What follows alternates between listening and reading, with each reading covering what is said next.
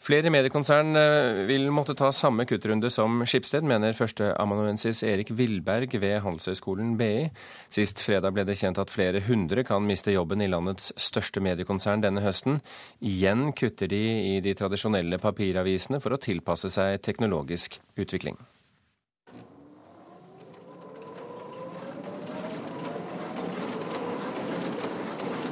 En trykkpresse starter opp og spytter ut nok et opplag papiraviser. Opp gjennom årene har papiravisen overlevd mange spådommer om sin død, men Skipsteds nye kutt er nok et tegn på at slutten nærmer seg, mener førsteamanuensis Erik Vilberg ved BI. På lang sikt, ja. Eh, men det kommer til å ta, eh, til å ta lang tid. Og, og løssalgsavisene ligger kanskje først i løypa akkurat når det gjelder kroken på døra for papiravis. Men det betyr ikke kroken på døra for nyheter, men det er bare kanalen den kommer på. Framtidens kanaler er digitale. I løpet av høsten skal Skipsted finne ut hvor de kan kutte totalt 700 millioner kroner i virksomhetene sine i Norge, Sverige og Spania. Wilberg tror de andre store norske mediekonsernene nå vil følge etter med egne kutt. Vi er inne i en situasjon nå som ligner veldig på mye av det vi har sett innenfor musikkbransjen og fotobransjen at uh, gamle sannheter må byttes ut med nye. Og, uh, og, det kommer ikke bare til å ramme Schibsted, det kommer til å ramme Polaris, Edda, alle de uh, A-pressen og alle de som er aktører på dette mediemarkedet. Det er det ingen tvil om. Vi ser at smarttelefoner og tablets har dramatisk endret brukervanene. Og spesielt innføringen av iPhones og smartphones gjør at vi blir nødt for å tilpasse oss de nye medievanene. Og vi mener det er riktig å være i forkant, heller enn å vente på at vi må gjøre det brått og dramatisk. Det sier konsernsjef Didrik Munch i Skipsted Norge. De ansatte i konsernaviser som Aftenposten, Bergens Tidende, Fedrelandsvennen og Stavanger Aftenblad kan dermed nok en gang gå tunge tider i møte. Bare to år etter en enorm kuttrunde på 1,7 milliarder kroner og 1300 årsverk. Det kan også bli aktuelt å øke samarbeidet mellom disse avisene. I første omgang så er det eh, abonnementsavisene som er eh, rammet. De er veldig papirtunge i dag, selv om vi har utviklet oss bra digitalt. Så i første rekke er dette eh, de det vil eh, berøre. Nei, dette blir en, eh, er jeg redd, en vanskelig høst. Det sier leder Elin Floberghagen i Norsk Journalistlag. Hun er uenig med BI-forsker Vilberg i at andre mediekonsern nå vil kutte som Skipsted. Så det er ingen eh, krise i medieøkonomien eh, akkurat nå. Så det er ingenting som tyder på at det skulle komme veldig mange, sånn som det gjorde i, i 2008-2009. Men vi ser jo det som skjer i Skipsted, og det er jo en stor stor og dramatisk prosess, men, men uten begrunnelse altså i akutt økonomiske problemer. Ifølge Floberghagen mener mange nå at Skipsted går for fort frem. Og Vi er jo også eh, ganske i stuss over og reagerer kraftig på, på de opplysningene som har kommet fram som tyder på at de vil drive en form for renovasjon. altså Ved å nedmanne solide og dyktige journalister, og, og samtidig eh, oppbemanne og drive nyansettelser med såkalt riktig kompetanse. Konsernsjef Didrik Munch er forberedt på uenighet og tøffe diskusjoner utover høsten, men holder på at kuttene de nå skal gjøre, er nødvendige. Vi har vært flinke til å omstille oss eh, over lang tid, og det er derfor også vi har sterke posisjoner nå. Og Det vi gjør nå, det er nettopp for å opprettholde eh, de ledende posisjonene vi har eh, på print, også når vi går sterke inn i den digitale tiden. Reporter her, det var Gjermund Jappé. Redaktør i magasinet Kampanje, Knut Kristian Hauger. Hvor dramatisk anser du kuttene i Skipsted å være? Nei, Det er helt klart at eh, det er tøffe kutt eh, Skipsted her legger opp til. Men kan du si I omfang og størrelse så var det jo større sist gang, eh, i forbindelse med finanskrisen i 2009 og, og da i 2010, hvor effektene virkelig slo til. Det var jo snakk om da 1,6 milliarder, og ble vel til slutt 1,7 milliarder. og Nå har de satt i gang et program på 500 millioner, som kommer oppå et allerede løpende program på 200 millioner, så det er 700 millioner. Så, så, i omfang og størrelse var det jo mer dramatisk sist. Men det er klart eh, De foregående De har vel kanskje mindre å gå på også? Ja, Det kan du godt si. Og, og, og, eh, men altså de, for å se på de foregående krisene, altså i 2002 etter 11.9. september og, og i 2009 etter finanskrisen, så var det jo hovedsak reklamemarkedet som krasjet. Og i 2009 i forbindelse med med finanskrisen så forsvant jo 1 milliard, kroner ut av reklamemarkedet. Da, da, må man bare tilpasse seg kjapt. Eh, det vi ser nå, er jo at det i mye større grad enn en reklamekrise er en strukturell endring i mediemarkedet. Altså nå slår det så hardt inn, overgangen fra papir til digitalt, at det Schibsted nå gjør, er jo rett og slett å bare tilpasse seg en helt ny, ny mediehverdag. Men hvordan er de to situasjon, eh, situasjonene forskjellige?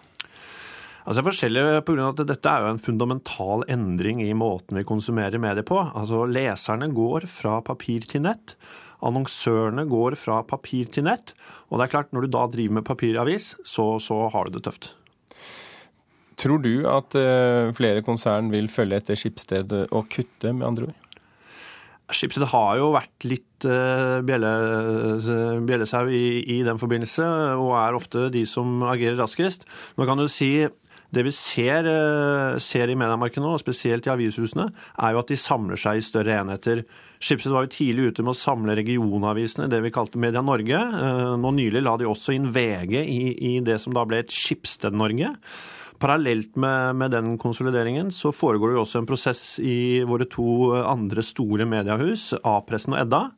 Der har jo A-pressen kjøpt Edda Media og venter nå på en godkjennelse, eh, som vi kanskje tror kommer, fra Medietilsynet på, på, under visse forutsetninger, hvor de nå prøver å samle A-pressen og Edda Media i et nytt, stort mediehus. Og Det er jo en, en, en fortelling som kommer til å handle mye om, om, om å spare og, og drive mer lønnsomt, rett og slett fordi man har tunge kostnader i, i forbindelse med, med, papiravisene sine. Er dette endringer som leserne også vil merke? Ikke fra én dag til en annen, men, eh, men det er jo klart eh, man, man må drive mer, mer lønnsomt. Jobbe, jobbe, mer effektivt, og, og, det kan komme til uttrykk i form av at eh, ja, kanskje allerede under, neste, under, valget til høsten i USA, så vil det kanskje være færre journalister fra skiftet som er og dekker det. Og, og man vil kanskje se at det er samme byline i Aftenposten og Fedrelandsvennen. Knut Kristian Hauger, takk for at du kom til Kulturnytt. Og apropos USA, ni vinnere av Nobels fredspris protesterer nå mot en ny amerikansk realityserie og hevder at den glorifiserer krig. Det er eh, stasjonen NBC som setter sinnet i kok med serien Stars and Stripes, hvor åtte kjendiser konkurrerer mot hverandre i militærlignende øvelser. Comes a new reality series unlike anything else. Det er Nobels fredsprisvinnere som Desmond Tutu, Rigoberta Menchu og Shirin Ebadi som går hardt ut mot den nye NBC-serien Stars Earn Stripes. I den amerikanske TV-serien konkurrerer åtte kjendiser mot hverandre i militærlignende øvelser, hver med en amerikansk elitesoldat som medhjelper. Å trene på krig er verken morsomt eller underholdende, heter det i et brev ni fredsprisvinnere har sendt til lederen for NBCs underholdningsavdeling. Blant deltakerne er sangeren Nick Lashy og politikeren Sarah Palins ektemann Todd. Tidligere general Wesley Clark, som bl.a. leda Natos bombing av Serbia under Kosovo-krigen, er programleder. Produsentene hevder at serien er ment som en hyllest til kvinner og menn som tjenestegjør i USAs væpnede styrker. Men fredsprisvinnerne mener den pynter på krigens brutale virkelighet. It's all about understanding one thing. Dette programmet hyller etter vår oppfatning ingen, men viderefører en skammelig tradisjon der man glorifiserer krig og væpnet konflikt, skriver de ni fredsprisvinnerne som ber NBC om å stanse serien.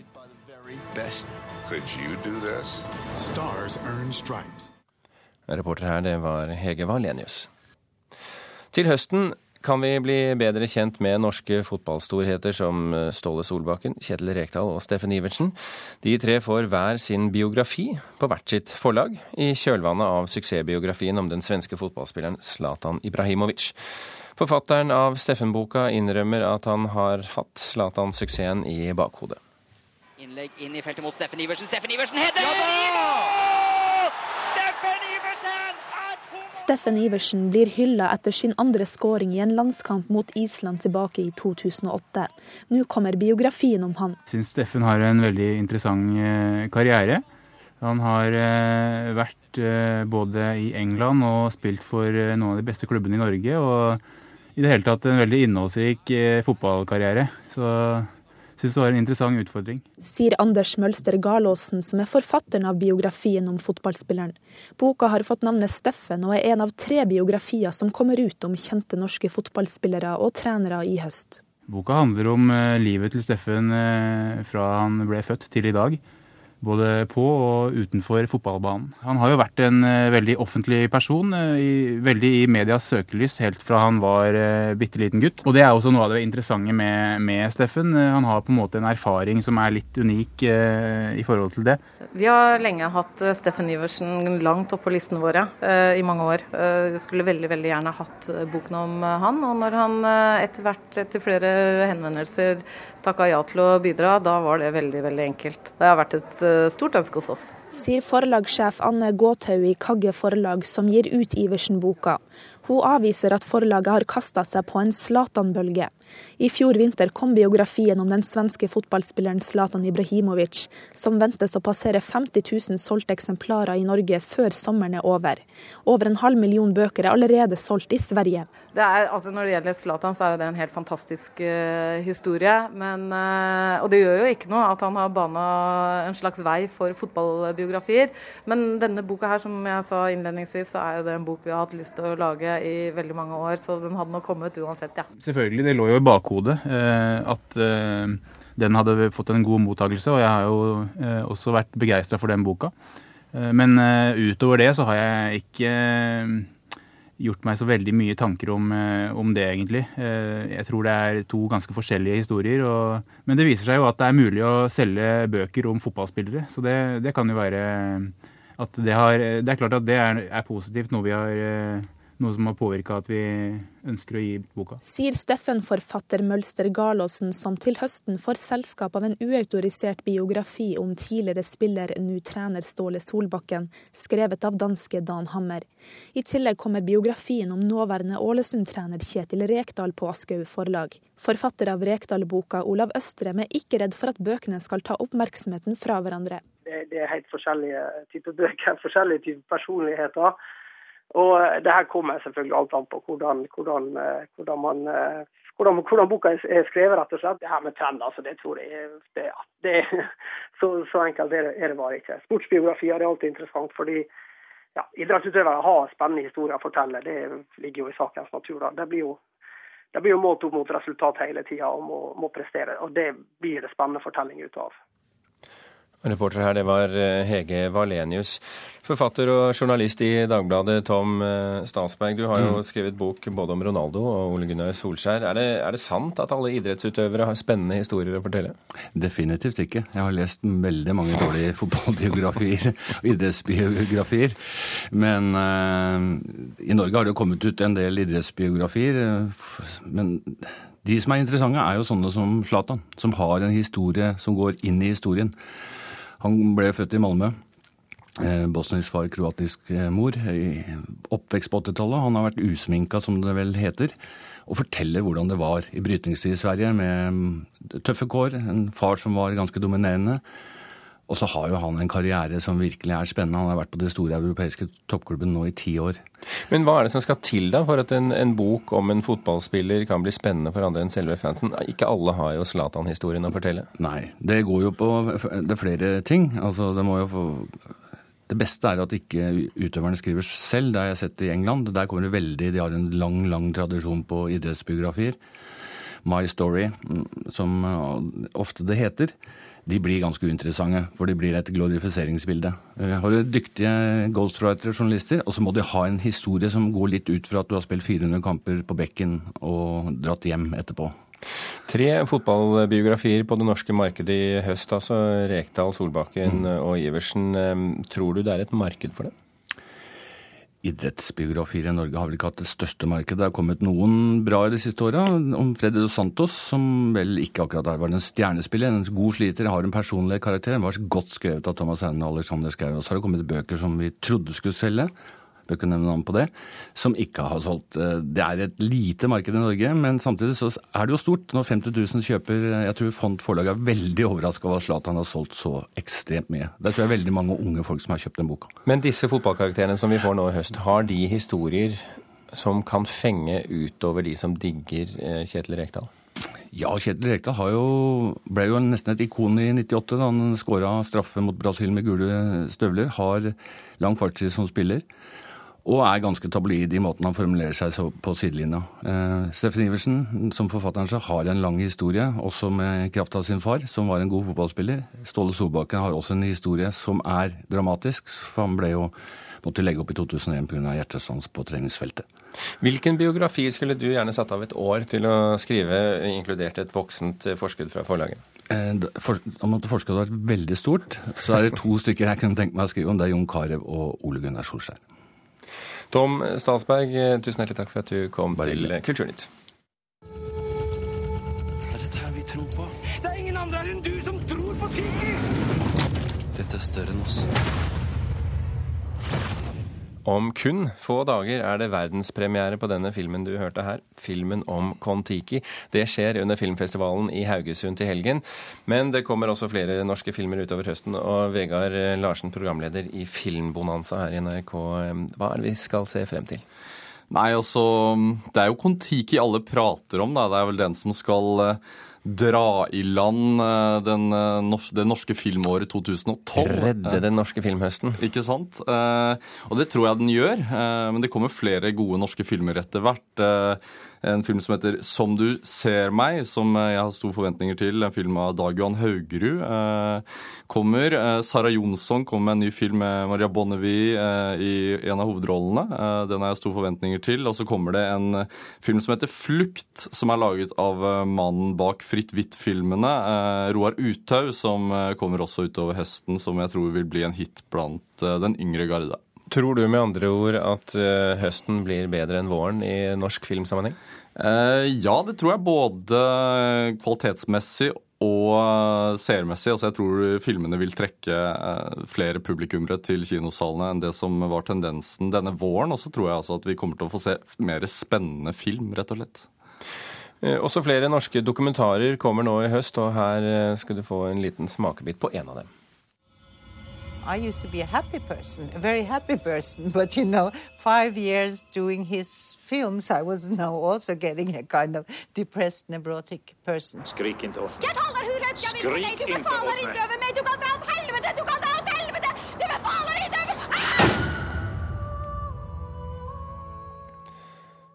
Dette var Diraj Akol Kars dokumentar 'Liv og Ingemar' om kjærlighetsforholdet mellom Liv Ullmann og Ingmar Bergman.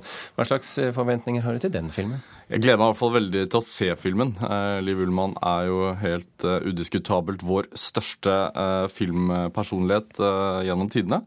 Og forholdet mellom Ingmar Bergman og henne har jo vært offer for mye diskusjon og mye oppmerksomhet. Og jeg tror, i hvert fall sånn jeg ser av traileren på filmen, så ser det ut som et vart portrett, men også et ærlig portrett da, av, det forholdet. Og også et av de mest spennende filmsamarbeidene, sånn rent historisk sett, på verdensbasis, dette her. Så det blir gøy å se. Andre dokumentarer fra norske produsenter? Ja, altså Det kommer en dokumentar om, som heter 'Til ungdommen', som også blir vist under Haugesund, som handler om politisk engasjerte tenåringer. Filmen ble tatt opp rett før 22.07. i fjor, og, og, tar også med seg den hendelsen. Så det er en film jeg er ekstremt spent på, og det jeg har sett av den filmen til nå, er lover veldig, veldig godt. Man kan vel egentlig både glede og grue seg til akkurat den. Og så store utenlandske blockbustere kommer i høst, bl.a. 'Hobbiten', en ny veiv av Twilight-sagaen. Også denne, James Bond. Also PPKS 9mm short. It's been coded to your palm print so only you can fire it. Less of a random killing machine, more of a personal statement. Q. 007. Q og 007 er James Bond fremdeles noe å glede seg til? Altså Man ser jo britene har brukt James Bond massivt under OL allerede. Filmen har jo blitt promotert allerede der på et eller annet vis. Det er 50-årsjubileum for den britiske spionen i år, og, og, det blir spennende å se om de klarer å holde trykket oppe, sånn som de har gjort med de to siste Bond-filmene, som har gått usedvanlig bra og fått mye god kritikk. Så Skyfall, som denne James Bond-filmen heter, er en av filmene jeg ser mest fram imot i høsten.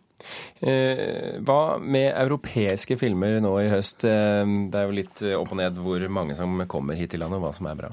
Ja, altså Det er jo sånn at kan Cannes foregår i mai. Ofte da så får man se Cannes-filmene slippes på norsk kino i løpet av høsten. Så vi har f.eks. gullpalmevinner Michael Hannekes 'Amor' i vente denne høsten 2012. Vegard Larsen, takk for at du kom til Kulturnytt. Norges første private TV-stasjon var så populær da sendingen eh, startet for 30 år siden at gatene var folketomme om kvelden, men den fikk for så vidt ikke så veldig langt liv. Elverum nær-TV startet fredag 13.8.1982, men eh, levde altså ikke spesielt lenge, selv om østlendingens mangeårige journalist og redaktør Knut Fjell var TV-stasjonens eh, første redaktør.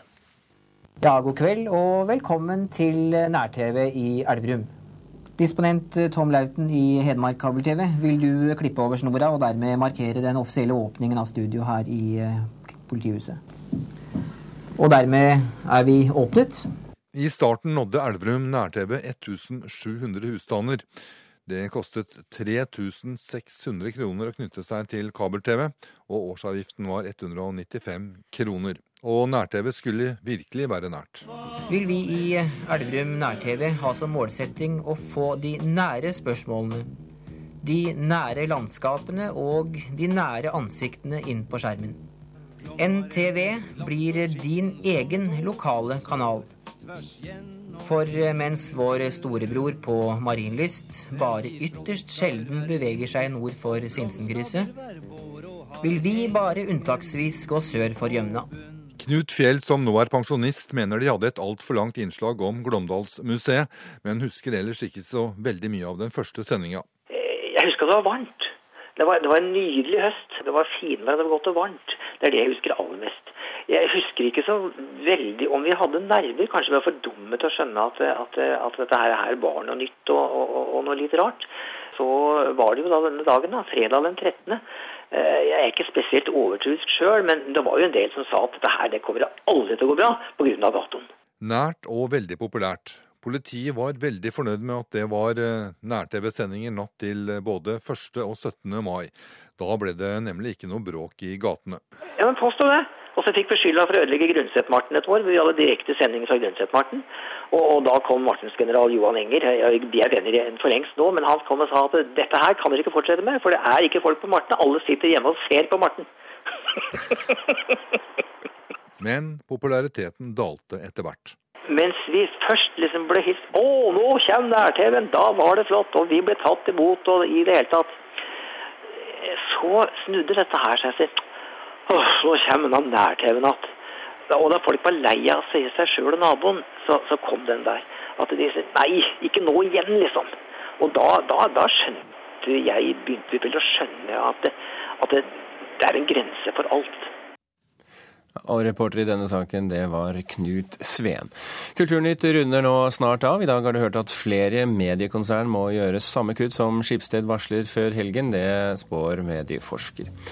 Flere bokforlag håper på å score med fotballbiografier nå til høsten. Først ut er eh, boken om Steffen Iversen. Produsent i dag det var Vidar Sem. Teknisk ansvarlig var Frode Thorshaug. Og her i studio Birger Kolsrud Aasund. Hør oss igjen i ettermiddag 16.30.